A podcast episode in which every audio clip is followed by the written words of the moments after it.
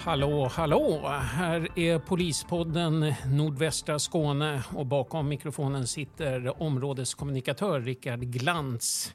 Områdeskommunikatör för polisen Nordvästra Skåne. Och med mig är som vanligt vem? Karim Ottosson, lokalpolisområdeschef i Helsingborg. Men inte så länge till, men det kommer vi till. Och sen har vi en gäst också. Vem är det? Stina Söderstjärna heter jag, jobbar som gruppchef på bedrägerisektionen Region Syd. Bra Kristina och vi återkommer snart till dig. Eh, för att temat för den här sändningen är nämligen bedrägerier. Men jag tänkte att vi, eh, eh, vi gör en liten utblick som vi brukar i vår podd och ser vad som har hänt de senaste veckorna. Eh, det är först nu faktiskt som vi har fått tid alla tre att kunna spela in det här programmet. Och det har ju hänt lite kan man ju säga om man är diplomatisk. Och det som sticker ut i Helsingborg det är bland annat skadegörelse på skyltfönstren i city. Och Karim, jag, jag bara tänker som vanlig helsingborgare, vad är det som händer? Ja men det stämmer. Det senaste halvåret, året, så är det ett stort antal skyltfönster då som blivit krossade. Framförallt nattetid. Men det jag då kan berätta för våra kära lyssnare är att eh, i fredags så häktades en person, bland annat då misstänkt för de här eh, skadegörelserna. Så min förhoppning är att detta kommer nu att eh, minska radikalt. Vad är motivet? Har vi något sånt? Nej, det är för tidigt att säga. Nu är utredningen i sin linda. Jag hoppas att, vi, att den misstänkte då kan komma med någon form av motivbild. Och det är måndag eftermiddag när vi spelar in det här, måndag den 2 oktober. Och eh, tyvärr så har ju Helsingborg, liksom många andra svenska städer dessvärre, vi har ju skakats av skottlossning, eller skjutningar som man säger också. Det har varit en på Västra Berga. Där grep vi två stycken som är misstänkta för försök till mord och grovt vapenbrott. Men det var också en skottlossning i centrala Helsingborg eh, några timmar tidigare.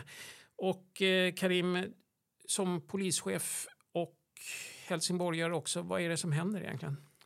Ja men det stämmer. Vi hade ju två händelser som såklart påverkar många. Just det grova och det dödliga våldet Det påverkar varenda helsingborgare och det är mycket om det just det i, i nationell media och så ju. Men för vår del så, precis som du säger, så i fredags nere på Söder, skottlossning och i lördags då eh, på området Västra Berga det jag är stolt över just där det, i det tragiska är ju att vi griper ju två eh, yngre män strax efter. Fantastiskt polisarbete. Och man har även gjort beslag då eh, som kommer att analyseras. Så jag har gott hopp om att utredningen kommer att ro i hamn. Det man undrar lite här, eh, den journalisten i mig, det är ju, eh, vi har ju en eh, våldsutveckling i Stockholmsområdet och även Uppsala. Är det någonting som har koppling och har det spilt ner till oss nu här? Nej, det är ingenting vi ser. Vi ser inte kopplingar till de nätverken, men vi vet att det finns viss, vad ska man säga, det kan vara kopplingar mellan nätverk över, över hela riket så att säga. I nuläget ser vi inte det. Dock ser vi på de händelserna som hittills har varit i Helsingborg i år, där några skjutningar och sprängningar, så finns det kopplingar till våra nätverkskriminella här i Helsingborg. Karim, du är ju känd som eh, polischef och det har det varit hur många år nu? Ja, just eh, som lokalpolisområdeschef så är det lite över åtta år. Åtta år? I Helsingborg? Nej, lite mer än två år i Helsingborg och sex år i Ängelholm. Mm. Och nu, eh, blir du snart, nu blir det snart ett nytt uppdrag för dig? Ja, men det stämmer. Eh, ett tillfälligt uppdrag ska tilläggas då. Så de som eh, tycker mindre bra om mig behöver inte börja jubla. Eh, nej, tio månader eh, ska jag göra lite andra arbetsuppgifter då för nordvästra Skåne och för Region Syd.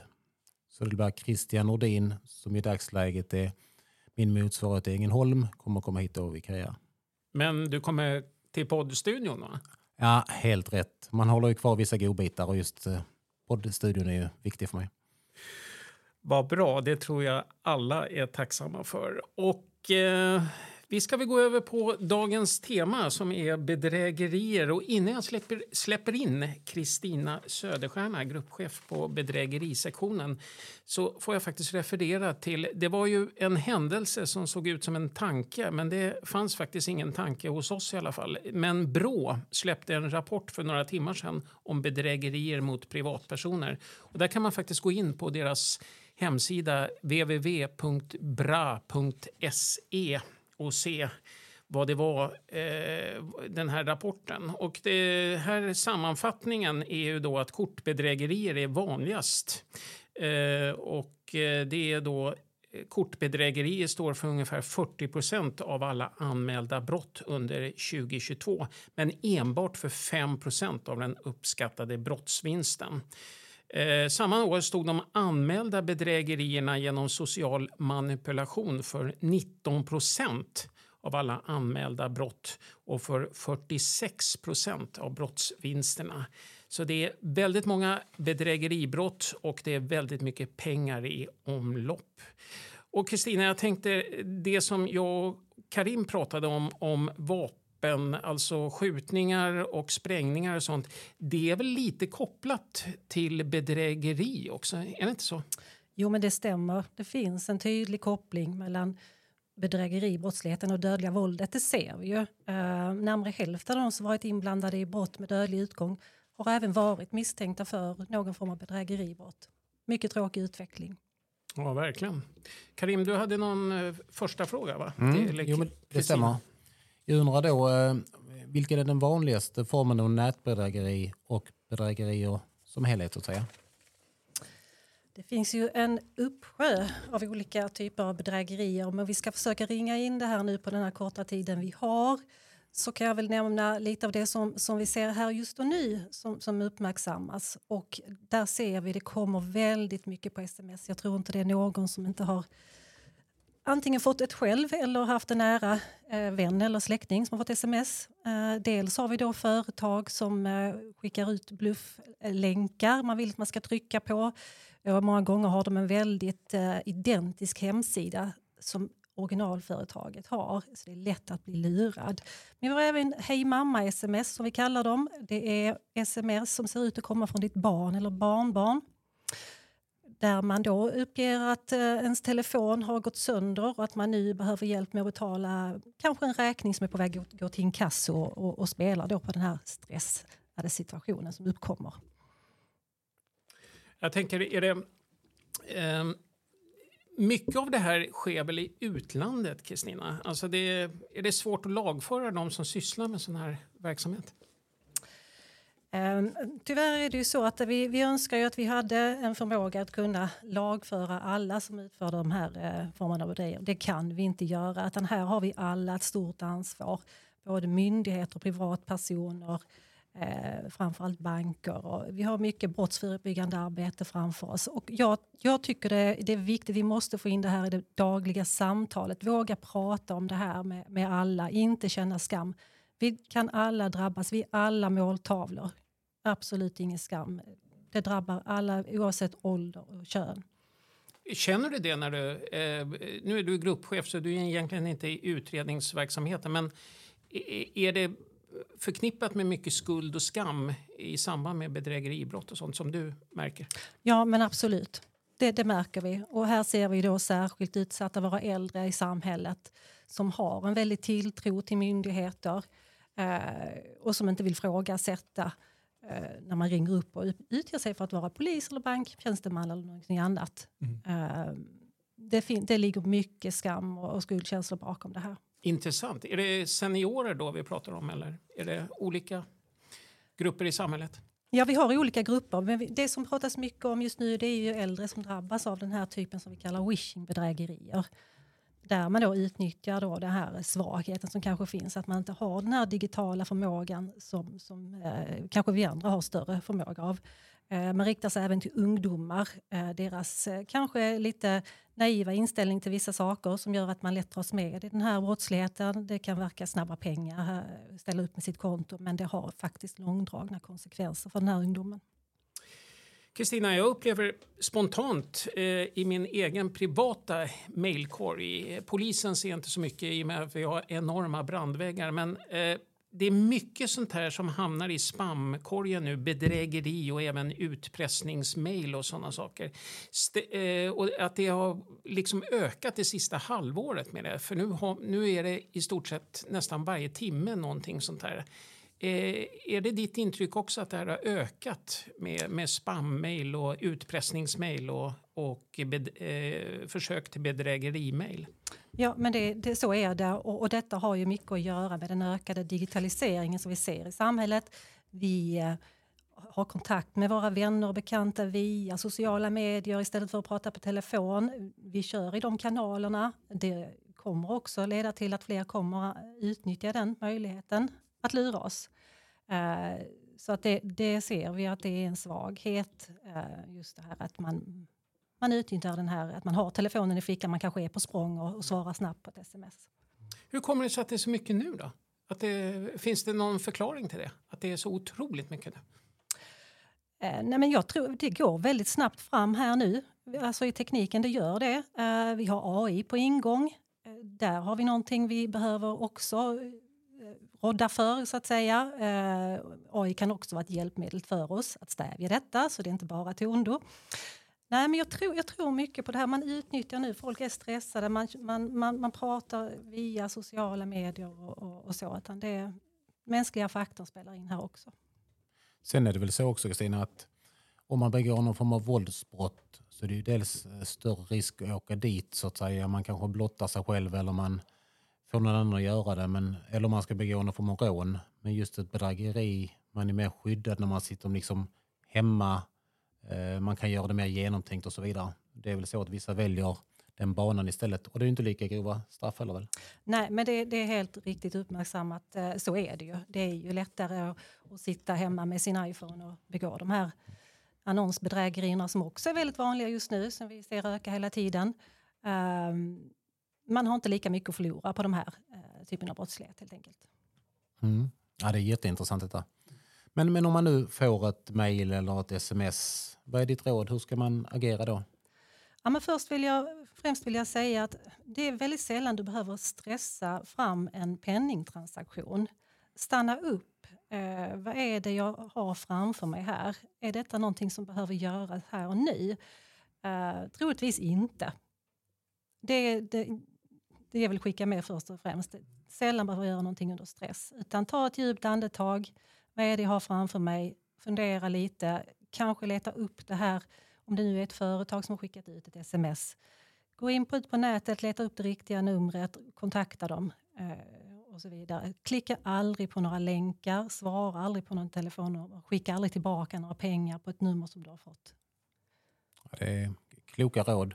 Och sen är det väl så om man då är lite äldre och kanske inte så van vid teknik kanske man kan eh, kontakta någon, något barnbarn eller vad som helst liksom, och få hjälp utan att behöva känna sig dum. Liksom.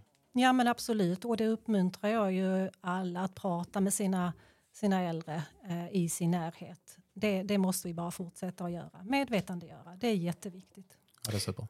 Kristina, ska man om man får ett sånt här obehagligt utpressningsmail, då, ska man betala?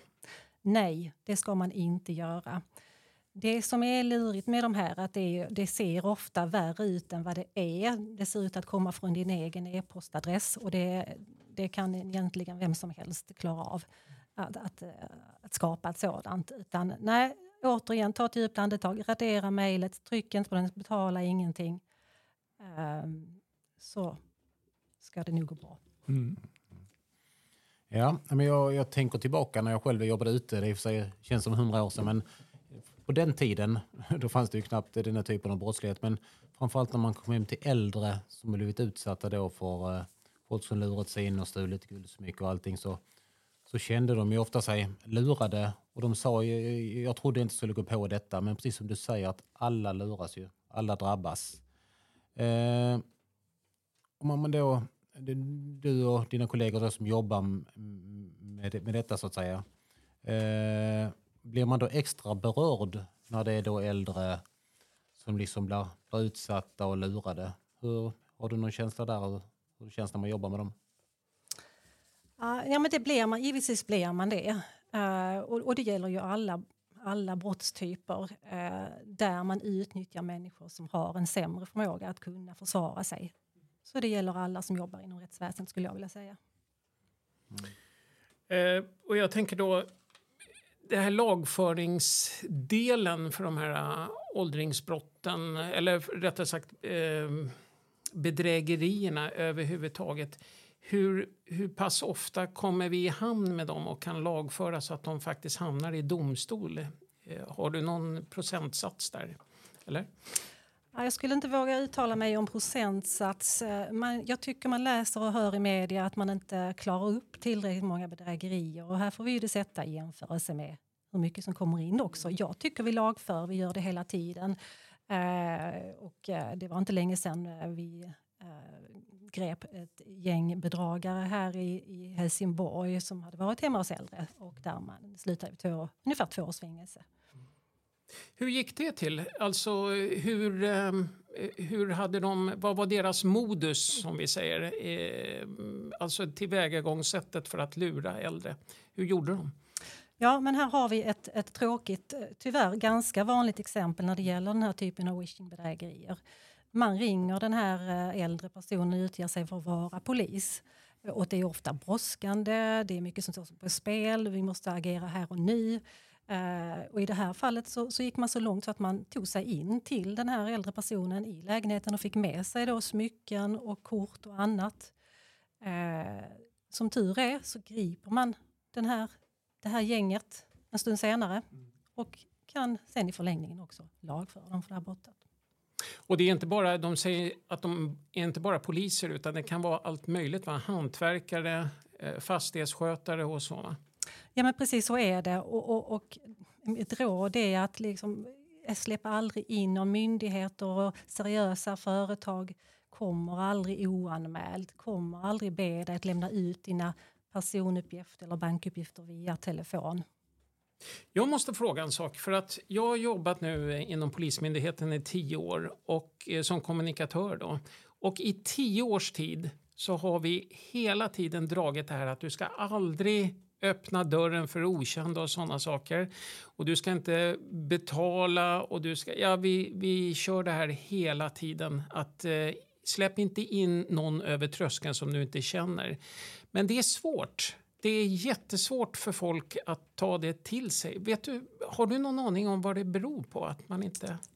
Nej, men det är som du säger, det här är jättesvårt och det är den mänskliga faktorn. Man spelar på känslor, man spelar på att man är stressad och så vidare. Eh, de kommer att hitta nya vägar hela tiden. De är experter på detta. Uh, nej men återigen, vi måste få in det här i det dagliga samtalet. Det ska nästan bli lika vanligt som att prata om väder. Vi måste göra det. Så är det. Mm.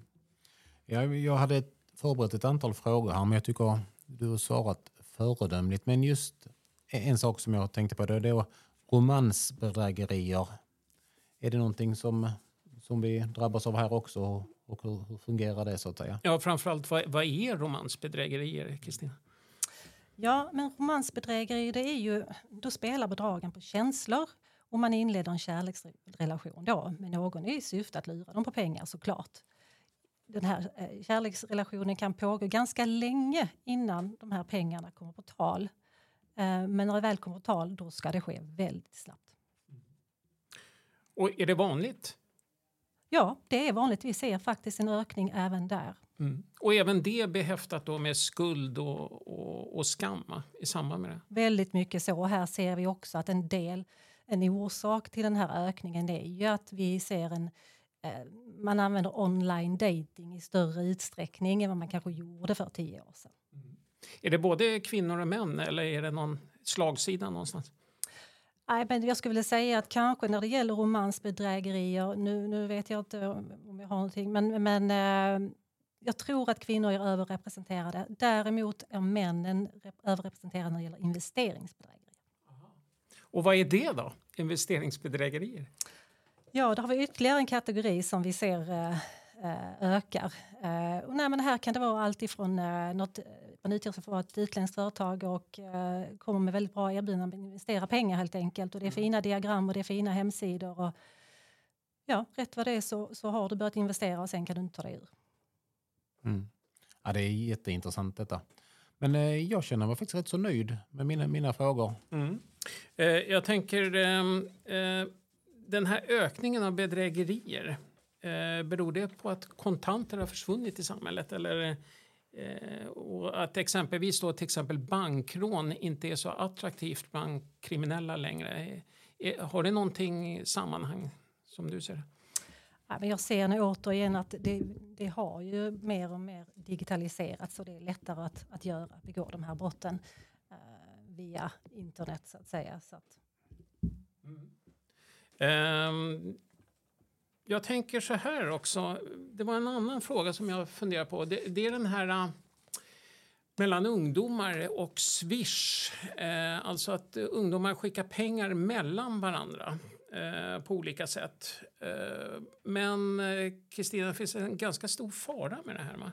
Är det inte? Jo, men det gör det. Och det var lite det här jag var inne på tidigare. Uh, det man ser är ju att kriminella utnyttjar ungdomar och att tvätta pengar. Eh, och de här ungdomarna förstår ju inte då vad det här kan, kan leda till i förlängningen. Och, och där vill jag ju skicka med att det man tycker är liksom en snabb åtgärd för stunden kan göra att du blir skuldsamt, hamnar hos Kronofogden. Skulderna gör i sin tur sen att du inte kan öppna bankkonto, du kan inte hyra lägenhet. Ja, listan kan göras lång. Mm. Karim, jag tänker som polischef och eh, hur eh, den här brottskategorin, eh, bedrägerier och sånt, tror du att det är någonting som kommer öka framöver i samhället? Eller? Jo, men det tror jag. Och eh, vi har ju redan ett, ett bra samarbete och jag är övertygad om att framöver så är det så att vi på lokalpolisområdena måste ju jobba tajtare med med med Kristina och hennes eh, kollegor då. För de vi jobbar mot som begår de grova våldsbrotten och, och så vidare är ju samma kategori av personer. Och det kan ju vara så att det kanske är lättare för, dem, och för oss för, poli, eller för rättsväsendet och för de lagförda för bedrägerier. Då ska vi gå på det. Eh, Det internationella samarbetet, hur funkar det? Alltså, de- de här sitter ju ofta kanske i andra världsdelar och sånt. Eh, Funkar det optimalt eller finns det mycket att göra där också, Kristina? Nej, men givetvis försvårar det ju utredningsarbetet, det gör det. Det säger sig själv. Men där har vi också kanaler, vägar att gå och där jobbar man ju hela tiden på att underlätta den samarbetet. Jag tror att vi ska sy ihop säcken här lite grann om bedrägerier. Ehm, eh, vi tar om igen helt enkelt för att vi är ju ett pedagogiskt program. Hur ska man skydda sig om man nu eh, in, när det ringer upp en okänd röst och påstår sig vara från banken? Hur gör man då? Ja, men jag vill kanske ändå börja med, med att, att påminna om att stanna upp alltid. Det, en penningtransaktion behöver väldigt sällan stressas fram. Klokt. Är det något som känns fel så är det ofta så. Det ska vi också ha med oss. Banken de kommer inte ringa upp och be dig logga in på din bank-id. Våga vara oförskämd, våga vara oartig. Det är helt okej när man känner sig pressad. För Du ska aldrig känna dig pressad när du ringer upp, ring, blir uppringd av en myndighet. Mm. Så det är bara att lägga på. Och Karim, i samband med utredningar och sånt, vi kommer aldrig ut och hämtar upp smycken och kontanter och sånt va? Nej, nej, otroligt sällan. Det, det är mycket svårt att se varför det skulle ske. Men, men det är ju så att framförallt när de nu använder att de ringer och säger att de är från polisen så tyvärr så är det vissa som eh, är lite för godtrogna. Så det är precis som Kristina säger, man ska nästan vara lite oförskämd och begära att få motringa i så fall. Man kan alltid motringa till Polismyndigheten. Vad bra. Eh, känner vi oss nöjda allihop med eh, det här programmet? Har du fått säga vad du vill, Kristina? Ja, jag känner att jag skulle kunna prata mycket längre men eh, det får räcka för idag. Ja, vi kan väl ha fler avsnitt, eller hur? Absolut. Och Karim, hur känner du dig? Jag är mycket nöjd, informativt och nyttigt. Vad bra. Och med det så tackar vi från oss i Polispodden Nordvästra Skåne. Ansvarig utgivare har kommunikationsavdelningen Syd varit och producent Rickard Glans.